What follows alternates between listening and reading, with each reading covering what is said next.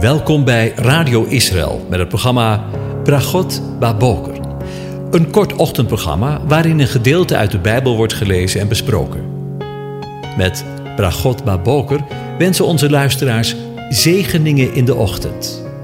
Presentator is Kees van de Vlist.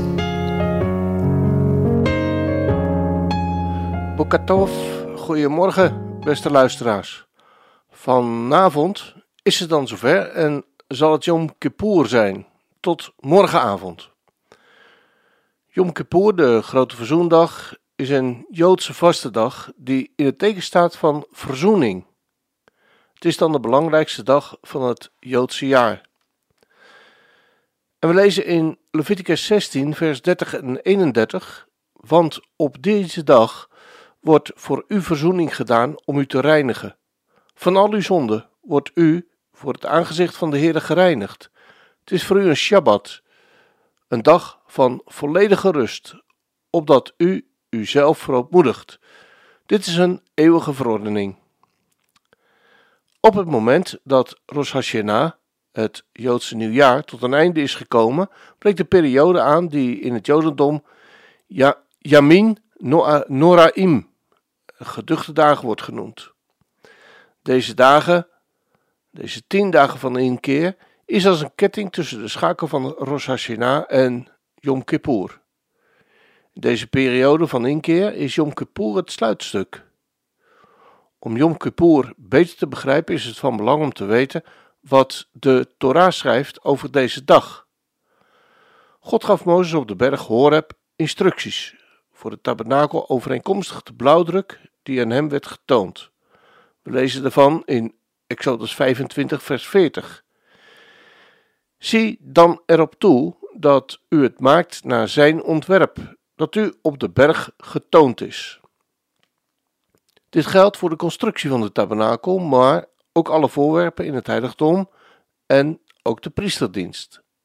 De schrijver van de Hebreeënbrief in hoofdstuk 8, vers 5 legt dat alles uit wat Mozes getoond was een afdruk was van hetgeen in de hemel is. Deze priesters doen dienst in een afbeelding en schaduw van de hemelse dingen, overeenkomstig een aanwijzing van God die Mozes ontving bij het voltooien van het tabernakel. Want zie erop toe, zegt hij, dat u alles maakt overeenkomstig het voorbeeld dat u op de berg getoond is.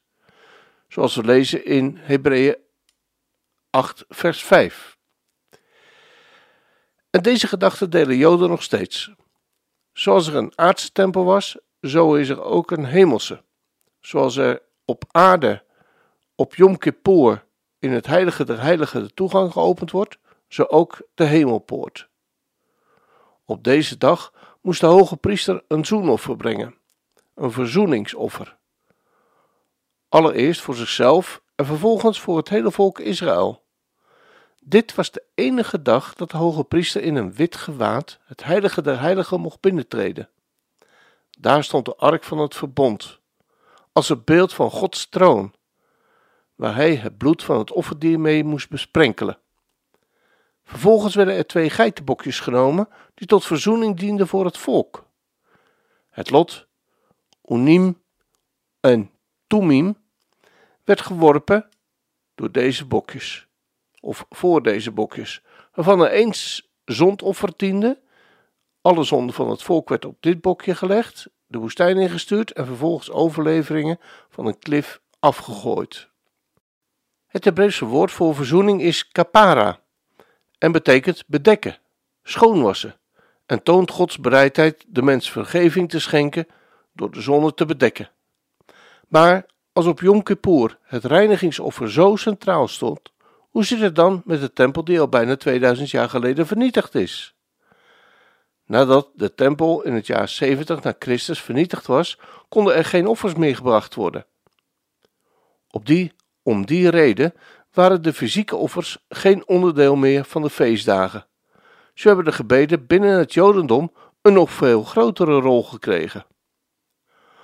Ook schrijft Gazal dat is een Joodse geleerde, dat het bestuderen van de Torah, gebed en het doen van goede daden een vorm van kapara is, een vorm van bedekken, schoonmaken.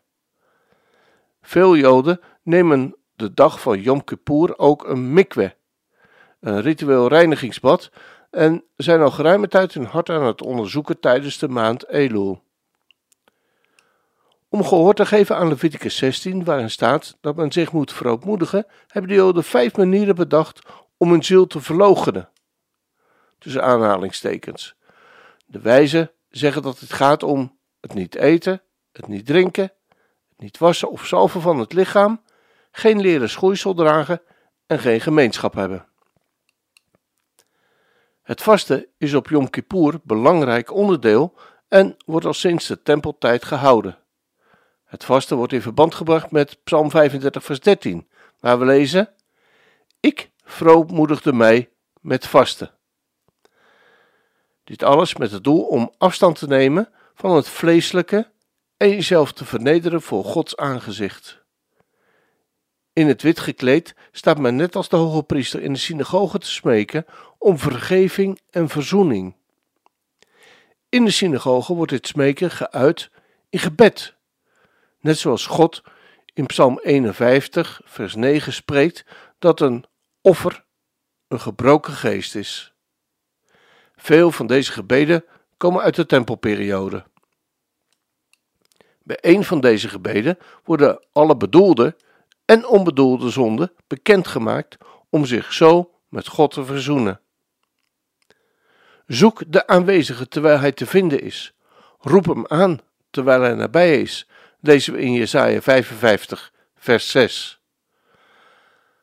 Als de hemelpoort sluit, breekt het slotstuk van Yom Kippur aan. Met het Nela-gebed, de sluiting. Rabbijnen leggen uit dat als de hemelpoort zich sluit, God de deur niet afsluit voor zijn volk, maar zijn kinderen juist insluit samen met hem. Hij nadert zijn volk en sluit zijn kinderen in zijn armen. Wanneer God zijn volk nadert en zij inkeer hebben getoond, waarin zij hun lasten en zonden hebben afgelegd, dan zal de relatie tussen God en zijn volk hersteld worden.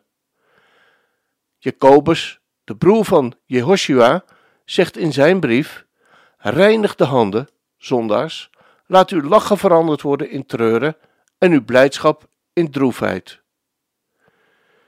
Let erop dat dit geen goedkope genade of een houding is van zand erover, maar van oprecht berouw. Jacobus spreekt hier eigenlijk over niets anders dan over inkeer. Teshuva. Teshuva is een van de belangrijkste onderdelen binnen het Jodendom en het woord stamt af van het Hebreeuwse stamwoord shuv. De betekenis van het stamwoord is terugkeren. De mens raakt van Gods levensweg af door het doen van zijn eigen zin en het volgen van het vlees. Teshuva is het terugkeer naar de door God gegeven levensweg om weer te gaan leven volgens Gods leefregels. Naast het terugkeren van de mens naar God en erin de vergeving en herstel van deze relatie staat ook de vergeven van de mens tot mens centraal tijdens Yom Kippur. Zo roept Jezus ook op om elkaar van harte te vergeven. Want anders zal, zoals Matthäus 18 vers 35 zegt, de Vader jou zonde ook niet vergeven. Het Jodendom stelt dat er drie niveaus zijn van vergeving: Slicha, Megilla en Kapara. Met Slicha wordt het vergeven bedoeld door de pijn uit het verleden te beëindigen. Vanuit Slicha kan men het hart onderzoeken door de pijn eruit te graven als een tunnel. Megilla. Als dit eenmaal bereikt is, kan men zich verheugen over het leerproces. Men overziet de situatie en de fouten en de zonden van een ander worden begrepen, hetgeen leidt tot verzoening en bedekking. Kapara. Door deze verzoening groeit de liefde. Dat is wat kapara is. Al het negatieve wordt bedekt, schoongewassen en vervangen door een sterke en diepe liefde. Als Yom Kippur een einde is gekomen, zeggen Joden tegen elkaar: volgend jaar in Jeruzalem. Dit omdat men gelooft dat de uiteindelijke en volledige verzoening met God zal plaatsvinden als de Messias de verstrooide kinderen van zijn volk zal samenbrengen en de doden zullen opstaan. Alle volken zullen optrekken naar Sion, wanneer de Torah van Jeruzalem zal uitgaan, zoals we lezen in Micha 4, vers 2 en 3. Vele heidevolken zullen op weg gaan en zeggen: Kom, laten we opgaan naar de berg van de aanwezigen, naar het huis van de God van Jacob. Dan zal hij ons onderwijzen aangaande zijn wegen en zullen wij zijn paden bewandelen. Uit Sion zal de weg uitgaan, zal de wet uitgaan en het woord van de aanwezigen uit Jeruzalem. Hij zal oordelen tussen vele volken en machtige heidevolken vonnissen, tot ver weg. Ze zullen hun zwaarden omsmeden tot ploegscharen en hun speren tot snoeimessen. Geen volk zal tegen een ander volk het zwaard opheffen. Oorlog voeren zullen ze niet meer leren. Dan zal de hoge priester, eh, koning van Jehoshua, de Messias verschijnen, waardoor alle gelovigen God in zijn heerlijkheid zullen ontmoeten. Door welke bril kijk jij vandaag naar deze dingen? Hoe zit het met de verzoening tussen jou en God? Tussen jou en een ander misschien wel? Merk jij her en der nog een vlek op je witte kleren of haal je liever de balk uit een andermans oog? Of misschien heb je wel een bezwaard hart als je over deze zaken denkt en hoort. Diep van binnen kraagt het misschien wel in je hart. Dat je weet dat je iemand moet vergeven, maar dat je dat verrekte moeilijk vindt. Of heb je pijn van binnen omdat je weet dat je Gods liefde en vergeving niet kan aanvaarden? Weet dan dat Zijn genade altijd groter is dan de last van jouw onreinheden. Hij staat met open armen om ook jou te ontvangen. Beleid dat wat tussen jou en hem instaat. Stel de vrede tussen jou en de ander, voor zover het mogelijk is, en aanvaard het met vreugde.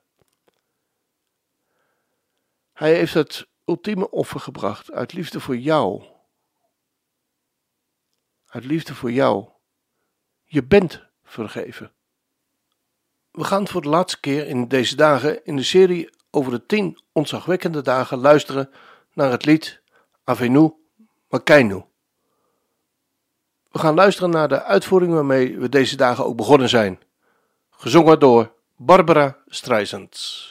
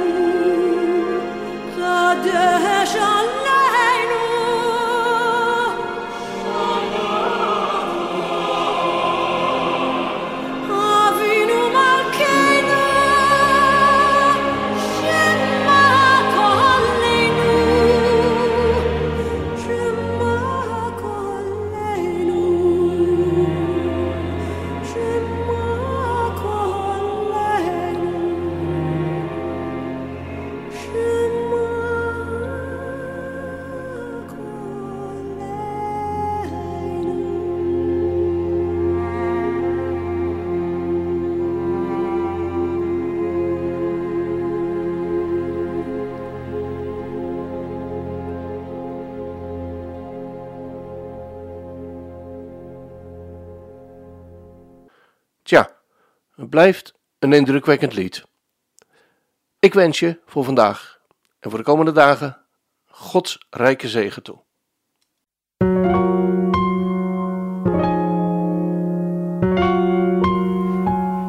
U hebt geluisterd naar het programma Bragot Baboker. Een kort ochtendprogramma waarin een gedeelte uit de Bijbel wordt gelezen en besproken. Wilt u het programma nog eens naluisteren, dan kan dat. Ga naar radioisrael.nl en klik onder het kopje radio op Uitzending gemist.